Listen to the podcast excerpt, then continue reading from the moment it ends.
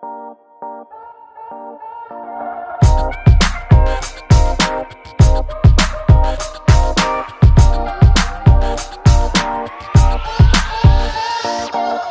pagi, selamat siang, selamat sore, dan selamat malam para, para pendengar setia Abastok di mana pun kalian berada. Kembali lagi, Yep. gua Abu Kristi dan Vincent Manahem mengudara di telinga kalian ya setelah kurang lebih sekitar dua mingguan kita off, nggak ada eh, episode. Kali ini cukup spesial, Chen. Betul sekali. Ini eh, seperti eh, apa ya? Seperti verifikasi secara langsung gitu karena kita cukup sering membahas tentang liga kita sendiri. Ya. Tapi eh, kurang afdol kalau tidak menghadirkan orang ini kayaknya, Bu ya. Iya, iya, iya. Kan dan, dan biasanya kita kita kan ngundang anak-anak muda terus, Chan. Ini kita undang yang senior lah, Chan. Ya kan? Betul, betul.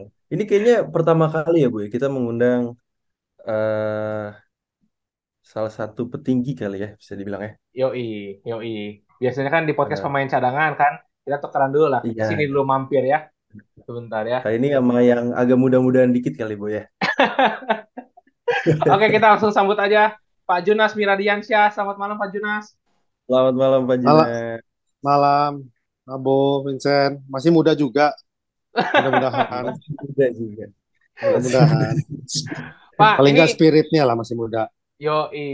Benar. Pak, dilihat dari, dari Instagram kayaknya lagi ini ya, dari Bali sekarang lagi di mana nih Pak? Di Semarang atau di mana? Di Malang. Eh, baru balik Jakarta. Kemarin sempat ke Bali, Surabaya, ke Malang, terus balik lagi Surabaya. Hmm. Eh, ya, habis itu balik Jakarta. Ya, Oke. ya, ya. Berarti lagi gencar banget melakukan promosi-promosi nih, Pak. Satu promosi, terus kan memang kalau IBL kita mulainya Januari, Ya. jadi persiapan akhir tuh udah pasti di akhir tahun. Oke. Ya, persiapan akhir tahun ada teknis tentang pertandingannya, ada juga sama pihak-pihak terkait lah. Kayak kemarin ketemu Pemdanya, em, disampaikan dukungannya apa aja gitu. Itu biasanya selalu di akhir tahun.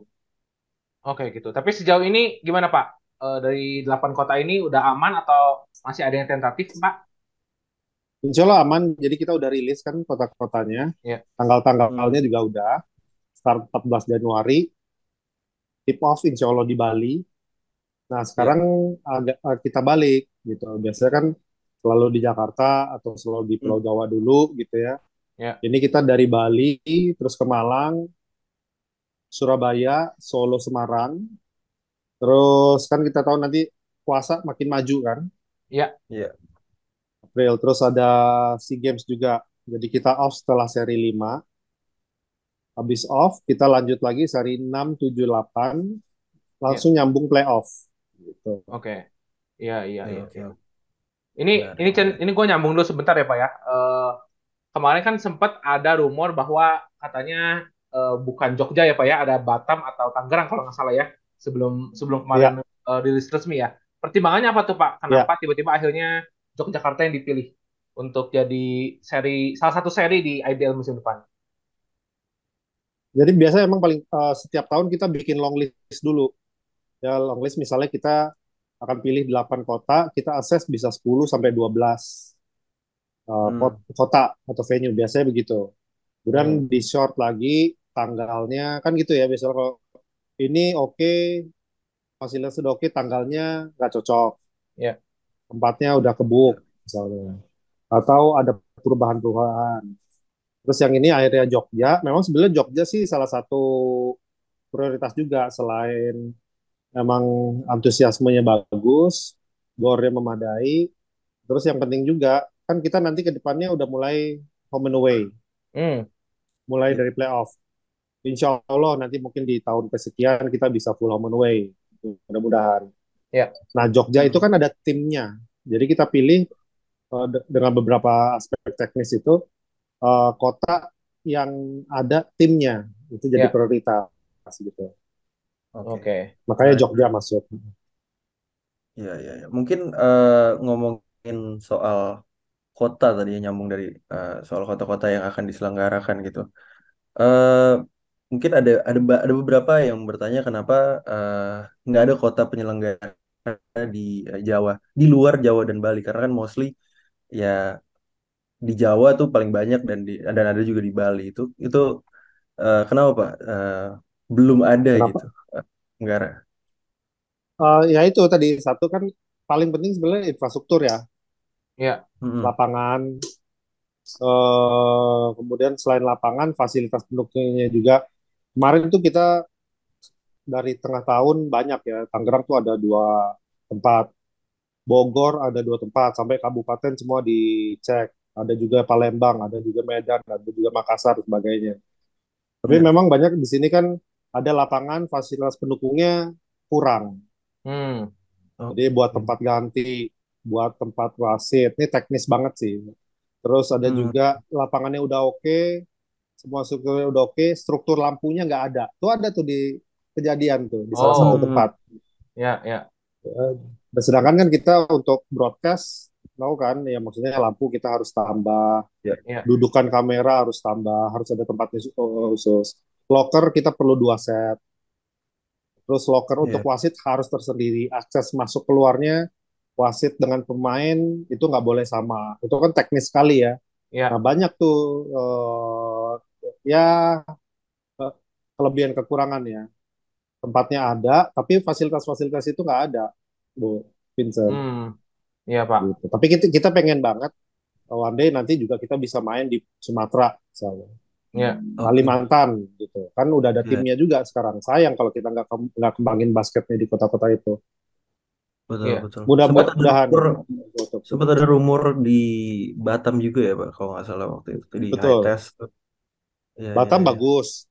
Kita terakhir kan 2018 kalau nggak salah. 8, Ya, ah, sorry 19 playoff waktu itu ya di sana. Hmm, Lapangannya bagus, fasilitas bagus, nggak ada yang kurang dari eh, High Test Arena kecuali kapasitas. Tapi kalau kapasitas masih oke lah. Tapi ya. ada pertimbangan lain yang tadi kita bilang kalau bisa ada lokasi yang eh, klubnya itu akan lebih bagus gitu. Oke.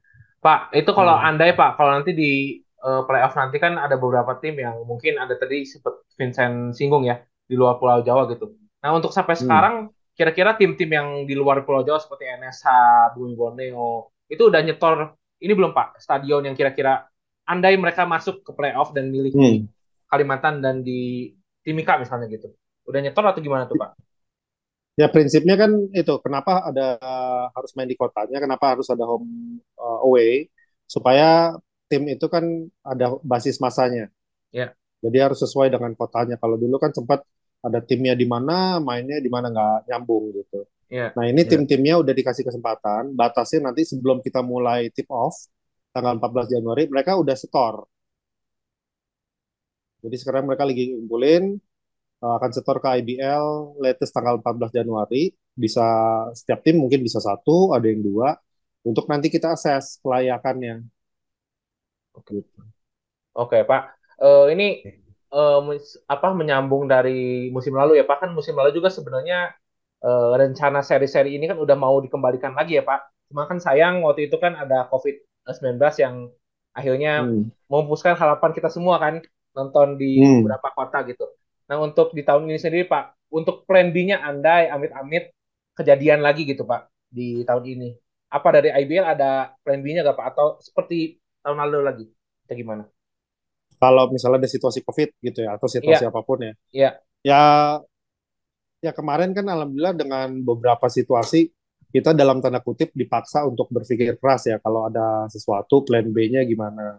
Mm-mm. Nah, ini kan sebetulnya sama seperti rencana 2022. Ya, Di mana waktu itu kita udah siapin tuh Jakarta, Bandung, waktu itu eh, Jogja gitulah dan sebagainya. Tapi karena nggak ya, mungkin kan, ya udah kita pilih satu tempat. Nah nanti kalau misalnya ya amit-amit ya, jangan mudah-mudahan nggak terjadi. Kalau ya. terjadi sesuatu lagi, ya kita akan bikin tempat terpusat lagi gitu. Hmm. Oke. Kayak bubble bola lagi lah sekarang gitu kan lagi bikin.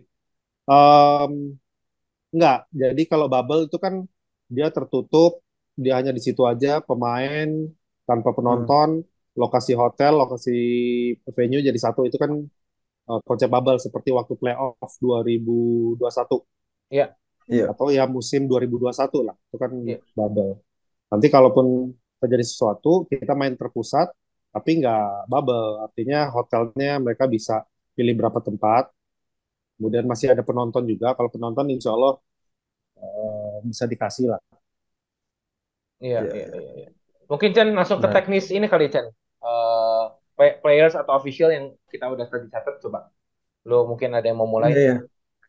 Mungkin eh, mau start eh, dari pemain asing kali ya, Pak. Beberapa kali kan sebenarnya ada batas eh sebenarnya berapa kali sih batas pergantian untuk si pemain asing gitu? Kalau kalau kalau nggak salah di Dewa kemarin itu sampai tiga kali gitu melakukan pergantian pemain asing gitu. Untuk sa- untuk di 2022 ya? Iya, ya iya. untuk Oke. season selanjutnya nih akan seperti apa, Pak? Sebetulnya sama. Eh, aturannya nggak ada yang berubah. Jadi ada beberapa nih. Yang pertama, ketika dia pilih draft, itu kan ada setiap klub milih pemain. Iya. Kemudian mereka urus kedatangannya. Nah, kedatangan itu udah diurus oleh masing-masing klub. Ngubungin agennya, ngubungin pemainnya, mereka datang tanggal berapa tuh udah semua dihandle oleh klub. Tapi sering kali juga, ya seperti tahun ini juga ada beberapa case ya. Begitu udah diatur, udah di ini oleh klubnya, tiba-tiba pemainnya nggak bisa. Hmm. Entah dia main di tempat lain, atau ada family matters, atau ada hal teknis non-teknis lainnya. Ternyata nggak bisa tuh pemain yang dipilih di draft. Nah, Iya. itu bisa diganti. Oke. Ya. Nah, oke. Nah, tapi pergantian itu belum termasuk batas pe- apa belum termasuk kuota penggantian. Oke. Nah, sekarang kita bicara kuota penggantian. Ketika dia udah datang, dia udah persiapan dan dia sudah main, ya udah mulai nih seasonnya.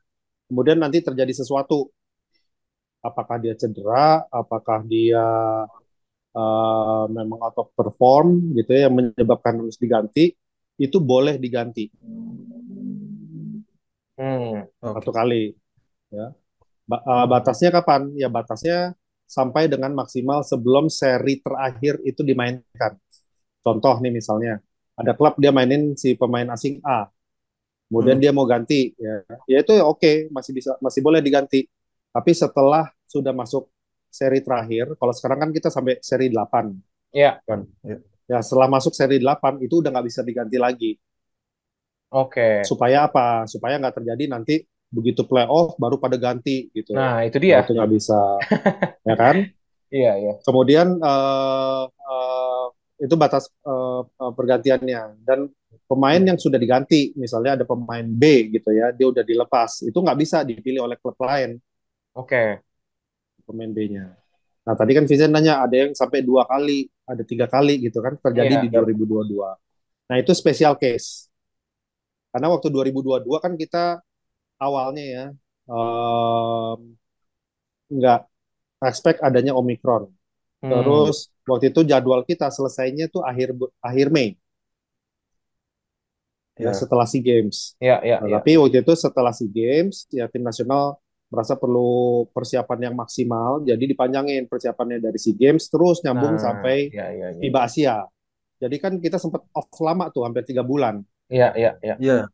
Iya, Nah sedangkan klub-klub itu dengan pemain asingnya kan eh, udah kontrak. Jadi misalnya Abo dipilih oleh Amarta Hang Tuah misalnya kontrak Ya. dia Januari sampai Mei.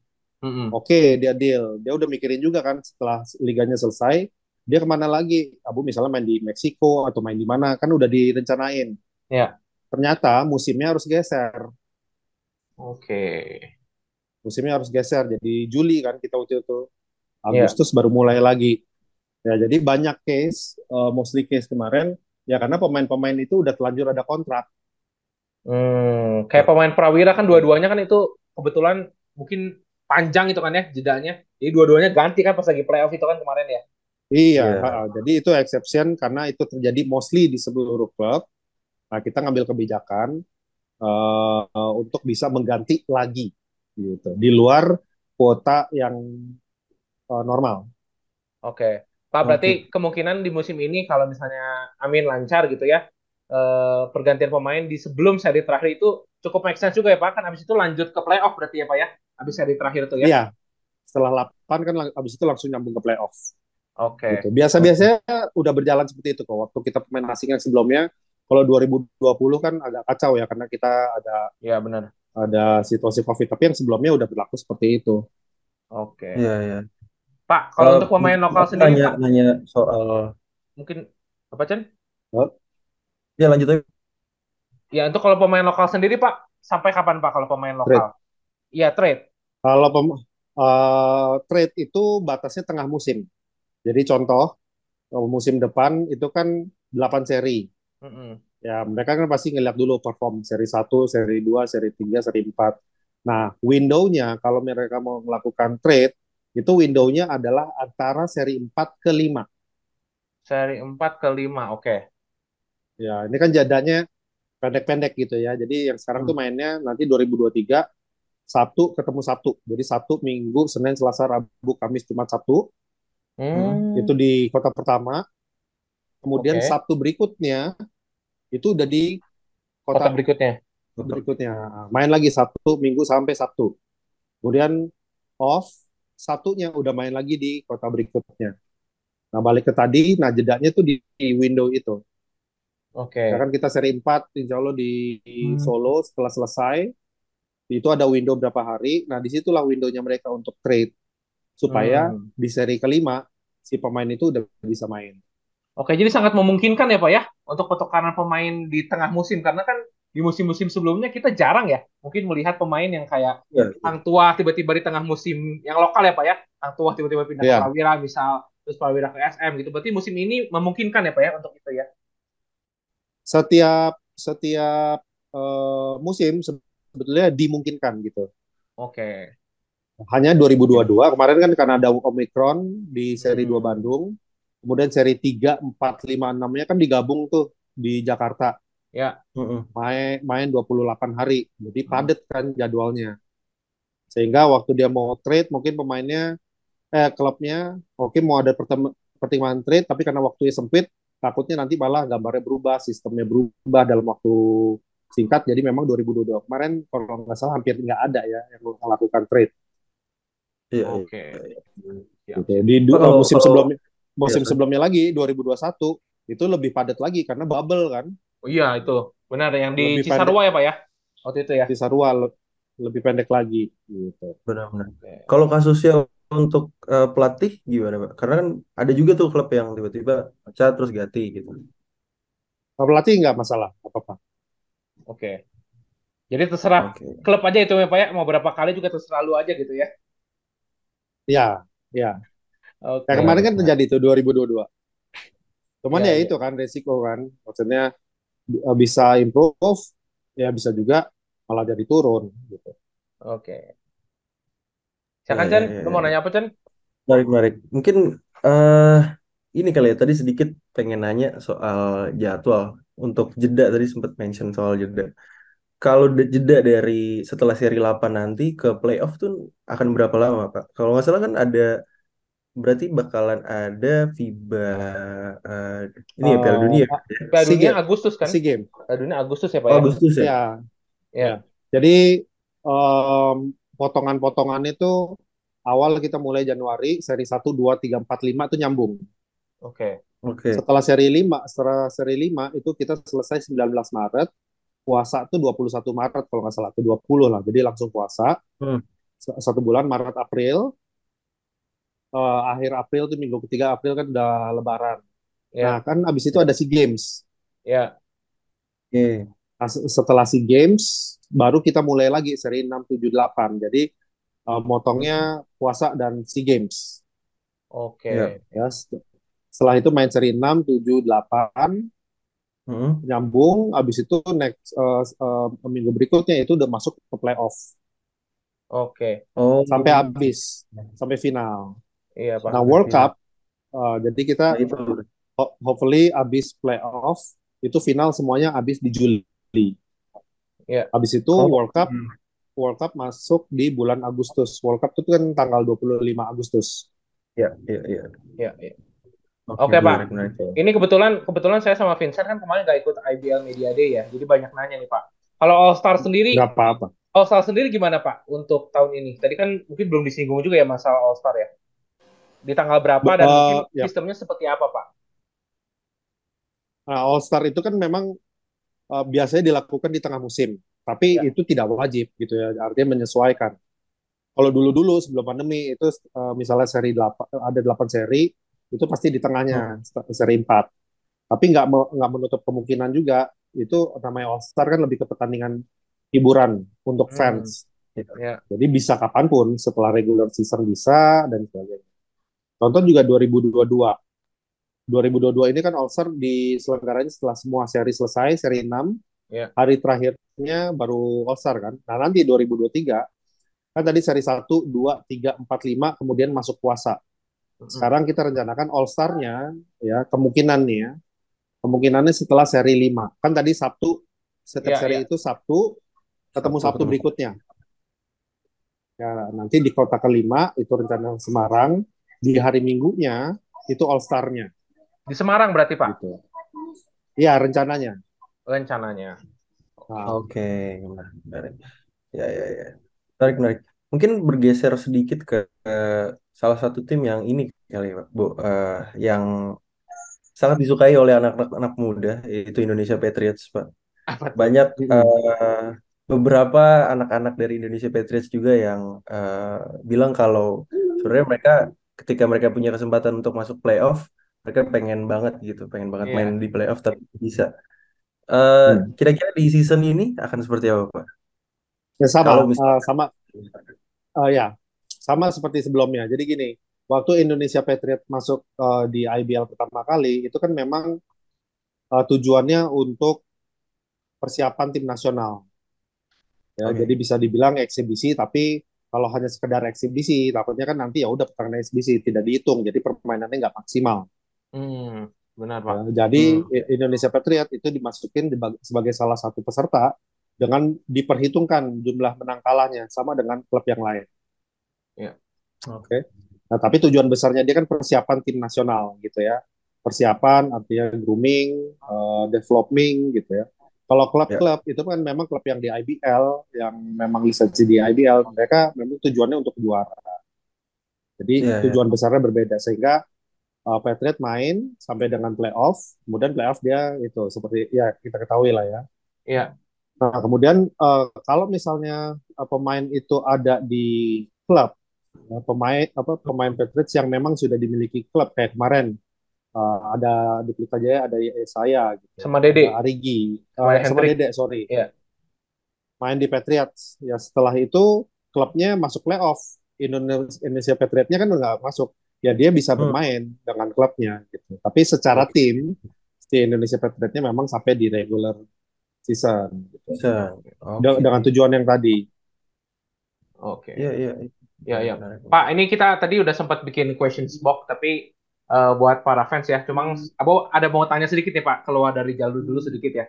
Ini uh, Apa-apa. penasaran Abo aja sih, untuk musim depan nih Pak, ini kan musimnya sebenarnya awal musimnya udah udah lewat ya, yang untuk masalah draft dan juga lain-lainnya gitu Pak. Untuk musim depan Hmm. Pak, kalau menurut Hmm. pendapat pribadi Bapak, eh sebaiknya kita tuh sistem draftnya kayak gimana sih Pak? Kalau melihat kemarin kan ya kurang greget juga ya Pak ya, kalau misalnya ngomong para pemainnya gitu yang di draft gitu kan.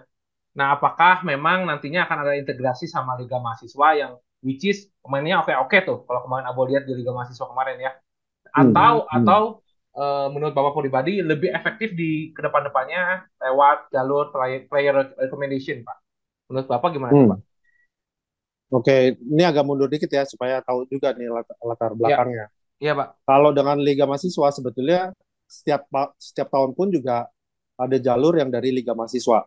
Mm-mm. ada jalur yang dari Perbasi. Pokoknya semua jalur di pool supaya ada talent pool lah kira-kira gitu. Ya. Ya, tapi kan memang eh, kalau eh, sistem draft itu kan dari bawah ke atas tuh semuanya harus nyambung. Mm-mm. Ya, kenapa misal di Amerika di NBA gitu draft eh, itu pun ya di sana draft pun itu sempat be- apa beberapa penyesuaian dari tahun pertama kali ya. Dulu kan masih pakai koin Ya. ya si ini dapat gitu kan Karim Abdul Jabbar gitu atau Ya. siapa lo waktu itu kemudian berkembang berkembang berkembang dan sebagainya jadi uh, proses tapi di sana kan memang dia school base Hmm. ya jadi school base dari bawah kemudian eh, high school kemudian mahasiswa itu semuanya satu garis garis yang di Amerika itu agak berbeda dengan uh, contoh misalnya Australia. Iya. Dia bukan school base, dia club base. Artinya apa? Pemain-pemain Oh, iya, itu groomingnya banyak dari klub. Hmm. Sekolahnya nggak banyak. Iya, iya, Nah, iya. sekarang Indonesia apakah school base atau club base? Iya, iya. Gitu kan? Iya, iya. Itu nah i- i- itu dulu. Secara historikal di Indonesia itu sebetulnya club base. Club base. Hmm. Iya. Ah, jadi artinya dari pemain junior segala macam tuh emang udah udah main di klub, udah dilatih oleh klub, udah Ya, di grooming oleh klub. Ya. Ketika draft, draft itu kan harus eh, ide draft itu kan pure ya, tidak dimiliki oleh siapa pun. Mm-mm. Oke. Jadi Ya. dia yang tadi udah punya klub ya dia harus lepasin. Iya. Gitu. Jadilah satu talent pool draft yang ideal. Nah, ini kenapa waktu itu ada rekomendasi, memang namanya draft itu, kalau pure draft itu kan perlu waktu. Banyak tuh kompleks. Kenapa perlu waktu? Pertama, standari standarisasi salary harus harus sama. Kalau ada pemain bagus, ya pasti nilainya bagus kan. Iya. Kemudian dia dipilih oleh klub yang bawah misalnya. Klub yang bawah standarisasinya tidak rata-rata. Kan pasti dia mikir Iya, iya, iya, iya, iya. gitu. Itu satu. Oke. Kemudian yang yang yang kedua seperti sekarang banyak eh, sekolah itu memberikan scholarship pemain bagus di eh, Jakarta gitu. Kemudian dia dipilih oleh klub Surabaya misalnya. Kan dia harus lepasin scholarshipnya, dia harus pindah ke sana full time sebagai profesional. Itu kan jadi pemikiran-pemikiran yang hal eh, yang lain. Nah, complexity itu itu baru beberapa dari hal teknis yang lain ya secara kompleksitinya. Makanya Hmm. waktu itu dikombin- dikombinasikan antara eh, draft yang pure kemudian dengan yang rekomendasi Oke. supaya apa? Supaya ujung-ujungnya dapat pemain yang berkualitas lah. Apakah Ya, pemain ya. berkualitas itu ketika bicara rekomendasi, apakah eh, eh, eh, hanya klub-klub besar atau klub di atas saja yang bisa melakukan rekomendasi? Enggak, semua. Justru itu pertama kali ada rekomendasi atas kesepakatan seluruh pihak karena semua tim membutuhkan Iya, iya. Gitu.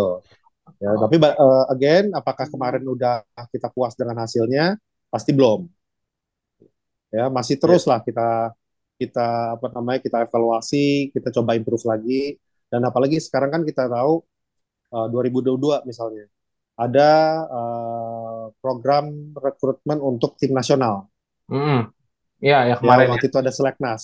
Iya. Ya, artinya kan talent talent pool-nya akan terbagi lagi gitu. Hmm, hmm, hmm. Oke. Gitu, Bu. Jadi kok, eh, kompleks. Nah, nanti ke depannya seperti apa? Kalau menurut saya sih eh, kita harus benar-benar samakan mindset dulu dengan semua stakeholders. Ya, baik federasi, baik klub. Intinya apa? Bagaimana bisa dapat talent pool yang kualitas dan jumlahnya banyak. Hmm, benar-benar. Ya, apa pun Iya. caranya tuh. Kan tujuan itu. Sekarang kita timnya 16, eh, lima- eh, 15 lah yang akan pick. Jadi Iya. minimal kita harus minimal kalau mereka ngambil semua kan 15 kali 2 30. Nah, mungkin Hmm. sourcesnya 30. Paling nggak kita harus di angka, di angka 40 lah gitu. Iya. Ya. Oke. Nah, cara apa kita bisa menuhin angka 40 itu dengan pemain yang kualitas Siap. Mantap. gitu. Semoga semoga next nanti kita akan melihat progres-progres lagi dari IBL untuk masalah draft dan play recommendation ya, Chen ya. Benar-benar. Ya, Karena ya. tadi penjelasannya juga eh, dari akarnya.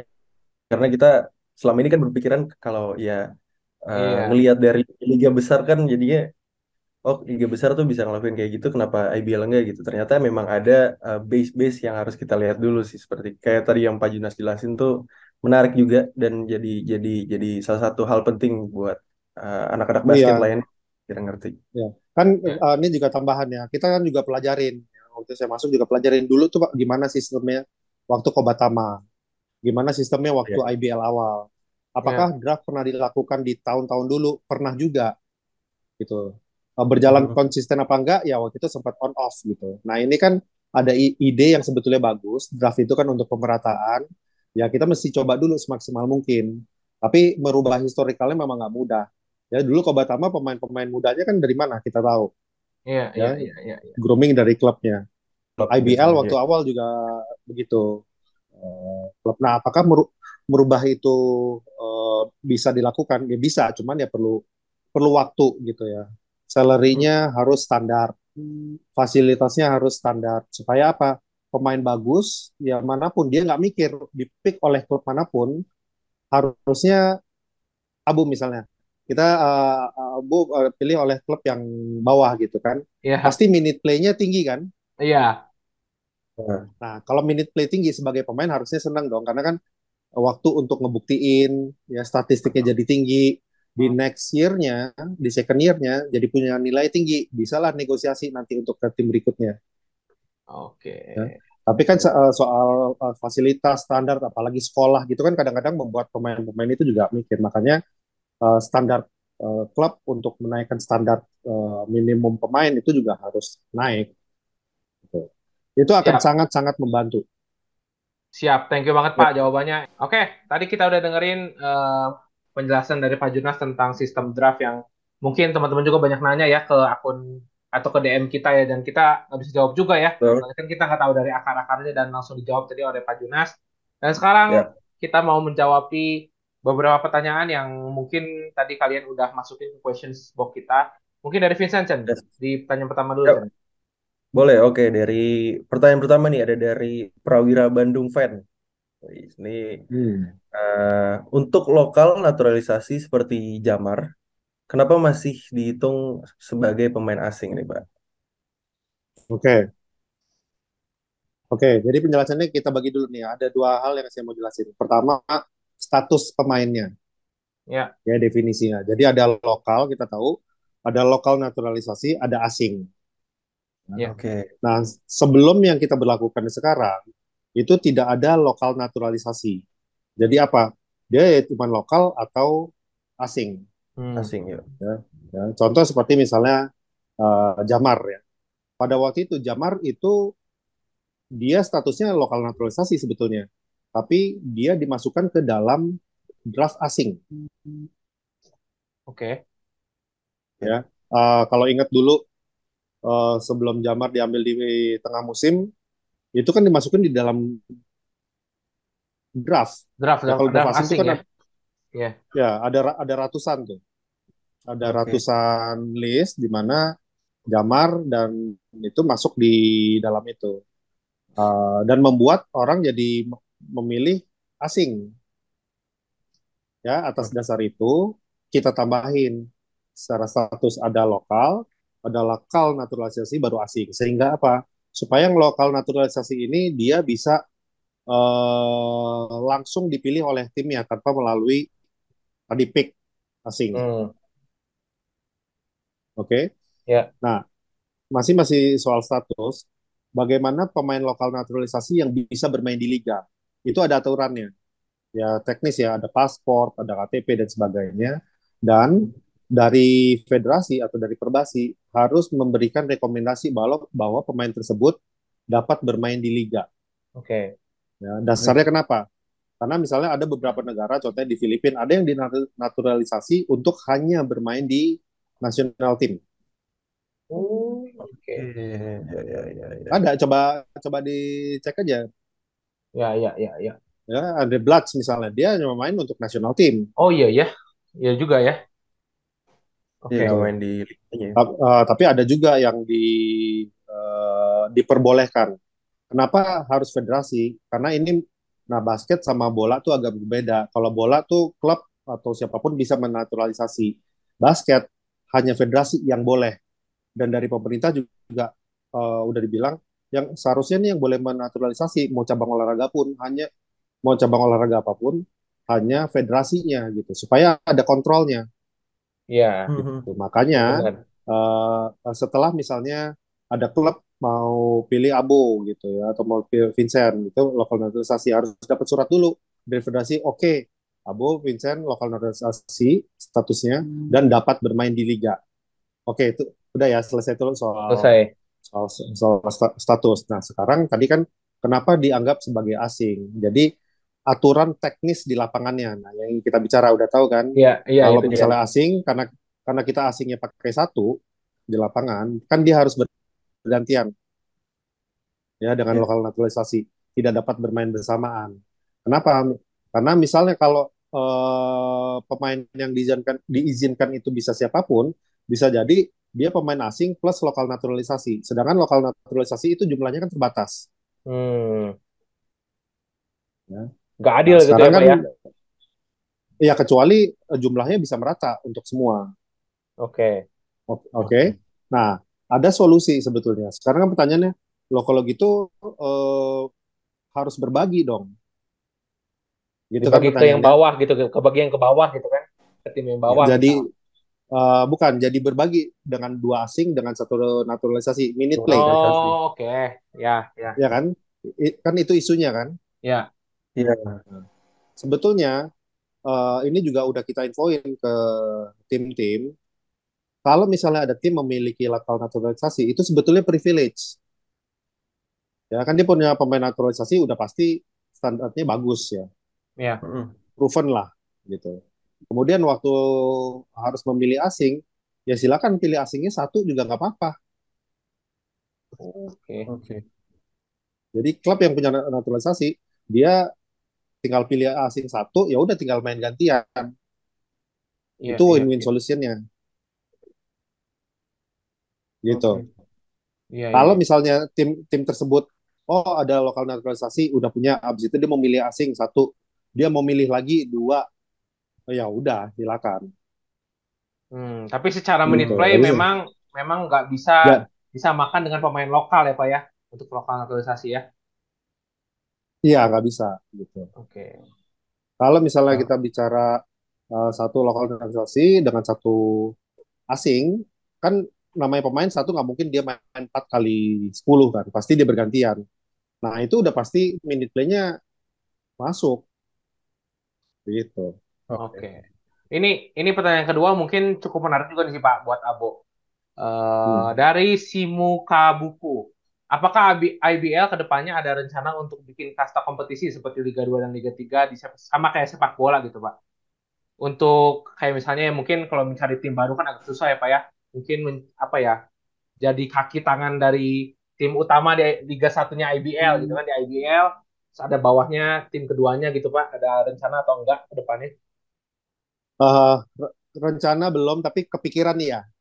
Oh, Oke. Keren. Eh, tapi belum bisa dalam waktu dekat. Kenapa? Karena tergantung tujuannya gitu. Kan kadang kita ngelihat ya karena kita basket ya, kiblatnya pasti NBA, ada NBA, ada G League gitu ya. Iya. Iya. Zaman dulu juga pernah dilakuin ada divisi 1, ada divisi 2 gitu. Nah, sebenarnya sah-sah aja, tapi tergantung tujuannya. Nah, kalau saya kan pengen ngelihat ini industri, ini bisnis harus sustain dulu. Hmm. Ya, ya, ya. Ya, kalau liganya, terutama klubnya itu udah sustain secara bisnis, artinya kalau kita bicara bisnis kan ada pengeluaran, ada pemasukan, bisnisnya udah berjalan. Ya, Oke. barulah kita bisa bikin pengembangan. Nah, yang Abu bilang tadi kan salah satu pengembangan liga di bawahnya. Iya. Ya. Bagus memang sebetulnya misalnya ada klub eh, West Bandit Solo gitu Nah, ya. itu kan- Kemudian dia ada tim afiliasi ada tim afiliasinya di Kota Iya. Solo. Iya, iya, Ya, iya. bagus gitu. Terus nanti siapa tahu uh, pemainnya yang dari itu bisa di grooming untuk nanti masuk ke uh, tim West Bandit Solo gitu kan. Itu udah kebayang tuh kita. Nah, iya Pikiran. itu dia. Iya. Udah kepikiran. Tapi, tapi kan gini, untuk mer- merunning merunning liga yang di bawahnya itu gimana? Secara cost. Kemudian klubnya yang running itu secara cost di mana? Mungkin ada yang ada yang mau, ada yang bisa, ada yang mampu, ada yang enggak gitu kan. Tapi kalau kita bikin kebijakan, itu kan kebijakannya harus semua. Hmm. Nah, apakah semuanya udah udah mumpuni secara bisnis ya bertahap dulu lah. Kita jadi ini ini aja dulu ya karena yang liga ini kan perjalanan panjang kita udah bikin plannya uh, Bo Vincent.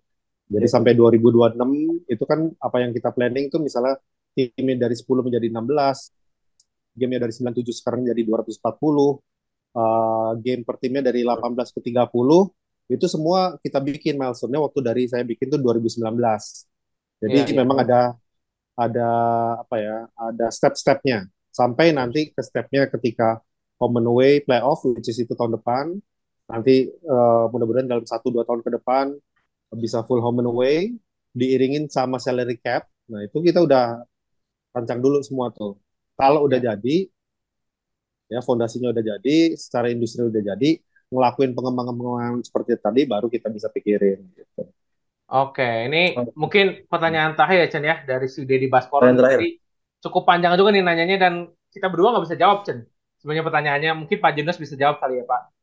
Ini katanya ini dia khusus di Semarang Pak. Ada Night Stadium yang mungkin nanti jadi home base-nya eh salah satu seri IBL ya di musim depan gitu. Ya. Dia Ya. ngomong katanya sekarang namanya Gor Sumber Waras, tapi menurut dia mungkin dia orang Semarang kali ya Pak. Dari segi kualitas Ya, lapangan, kapasitas penonton, dan akses itu nggak favorable buat penggemar basket kota Semarang. Mungkin ada pertimbangannya dari Pak Junas sendiri dan IBL kenapa milih gor tersebut. Oke, di sahabat, eh sorry, di Semarang tuh sebenarnya ada tiga lapangan. Ya, Iya. Dari tiga itu ya kita tahu salah satunya sahabat yang selalu kita pakai. Iya. Satu lagi Knights ini. Nah, sahabat itu kan terakhir kita pakai waktu tahun 2020. Mm-mm. Ya, eh, memang banyak situasi ya. Waktu itu ada bocor, kemudian kondensasi lapangannya. Selain konde- selain bocor, kondensasi, kemudian karena itu kayu lama, eh, banyak aspek lah teknis waktu itu ada paku dan sebagainya yang yang eh, kurang aman. Nah, ini sekarang eh, Night Stadium ini sebetulnya udah dipakai beberapa waktu lalu. Ya. Kalau eh, sekarang sekarang lihat itu lagi direnovasi habis-habisan. Oke. Oke. Ya. lagi direnovasi termasuk courtnya termasuk atasnya sebagai eh, eh, eh, dan sebagainya itu diperkirakan awal Januari ini selesai dan di pertengahan Januari minggu kedua kalau nggak salah mereka akan ada turnamen dengan fasilitas yang udah baru. Oh. Nah, nah kita Percobaan. kita memprior- kita memprioritaskan itu lapangan yang aman lah. Tadi kan perbandingannya dengan sahabat seperti itu. Hmm. Sekarang sekarang bicara akses, memang plus minus. Sahabat itu lokasinya di situ, tapi orang juga ada yang ini kan sebenarnya kalau bilang itu ada yang suka, ada yang enggak gitu ya. Iya, iya. Sahabat, oh lapangannya begini, terus di sana parkirnya susah, parkirnya harus di pinggir apa pinggir rumah kan gitu. Yang ini parkirnya lebih ada memang lokasi. Tapi kita juga akses, kita tanya ke beberapa warga, kemudian komunitas basket di sana, masih cukup oke nggak sih kalau IBL bermain di Knights itu, di daerah itu, masih oke gitu ya. Ideal 100% ya enggak, makanya itu kan plus minus. Nggak Iya. gampang cari lapangan di Indonesia, apalagi di eh, daerah-daerah gitu. Ada yang lapangannya oke, fasilitasnya kurang mendukung. Fasilitas oke, lapangan mendukung, aksesnya nggak favorable kira-kira gitu. Tapi kalau Knights mudah-mudahan gitu ya. Ini kita udah lama nggak datang ke Semarang, terus dengan eh, pihak pengelola lagi kerja keras untuk melakukan renovasi untuk IBL.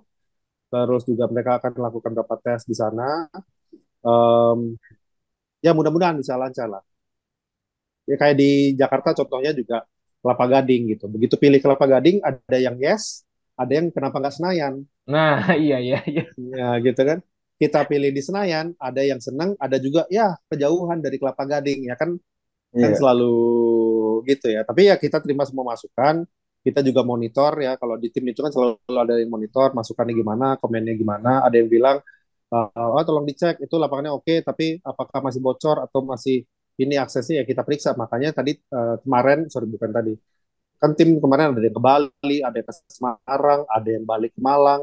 Ya minggu ini ada yang ke Semarang, ya itu untuk mastiin hal-hal kayak gitu. Iya. Iya. Ya, kalau ke Mudah-mudahan lah. ya, kalau ke Kelapa Gading sebenarnya masalahnya cuma satu, Pak. Kalau hujan banjir aja di situ. Banjir. Ah iya, Iya itu Pak. iya.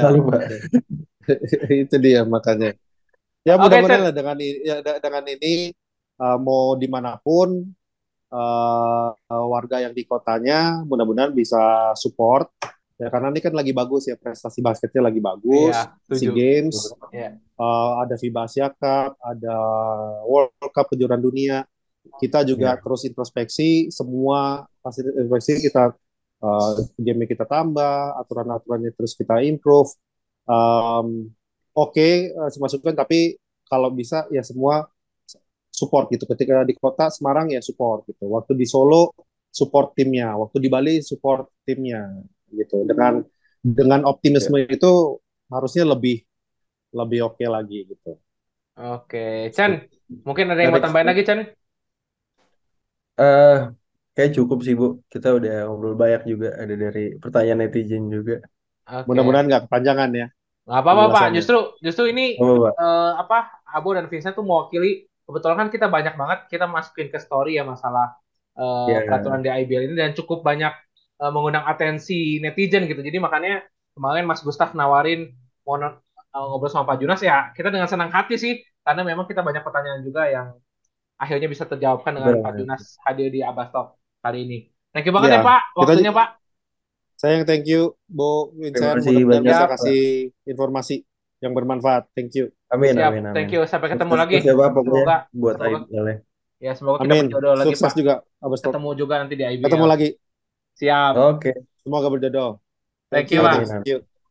Thank you. Thank you Pak. Sukses terus. Sehat-sehat. Sukses. Sehat-sehat juga. Dan